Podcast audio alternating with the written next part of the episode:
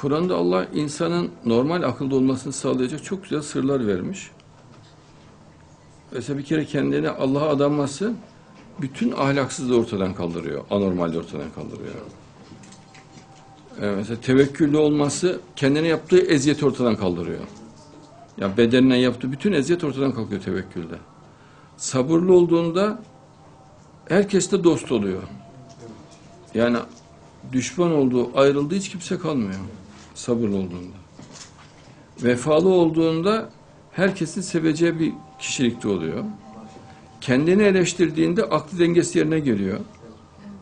Başkasını eleştirdiğinde tamamen böyle makul, tutarlı bir insan haline geliyor.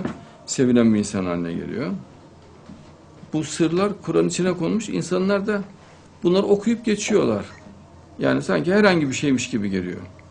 Halbuki e, bütün bu uygulamalar yapıldığında insan akli dengesinin mükemmel hale geldiğini bilemiyor. Yani birçok insan bilemiyor. Zannediyor ki kendinden oluyor. Halbuki o hükümleri yaptığı için akli dengesi yerine geliyor. Yoksa delidir ve farkına bile varmaz deli olduğunu. Anormal olduğunun farkına bile varmaz. Yani Allah'ın bir sırrı var. Mesela akıl elden alındığında şahıs aklın elinden alındığının farkına varmıyor.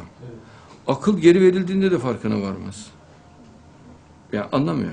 Yani sadece normal, makul, tutarlı bir Müslüman haline gelmiş oluyor. Olmuş şeytan Allah'a sığınırım. Ya insan gerçekten azar kendini yeterli gördüğünden müstahane görüyor.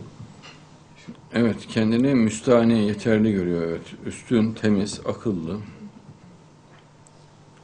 Ama bak istisnası mutlaka akıl hastalığı yapar bu.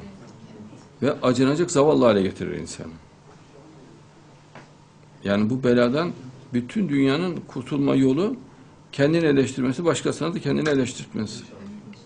Yoksa bir e, mucize olarak hayal edilecek bir şey yani bu metafizik bir şey. İnsan akıl hastası gibi oluyor. Dengesiz oluyor. Eleştirildikten sonra çok rahatlıyor. Makul, tutarlı, dengeli bir insana dönüşüyor.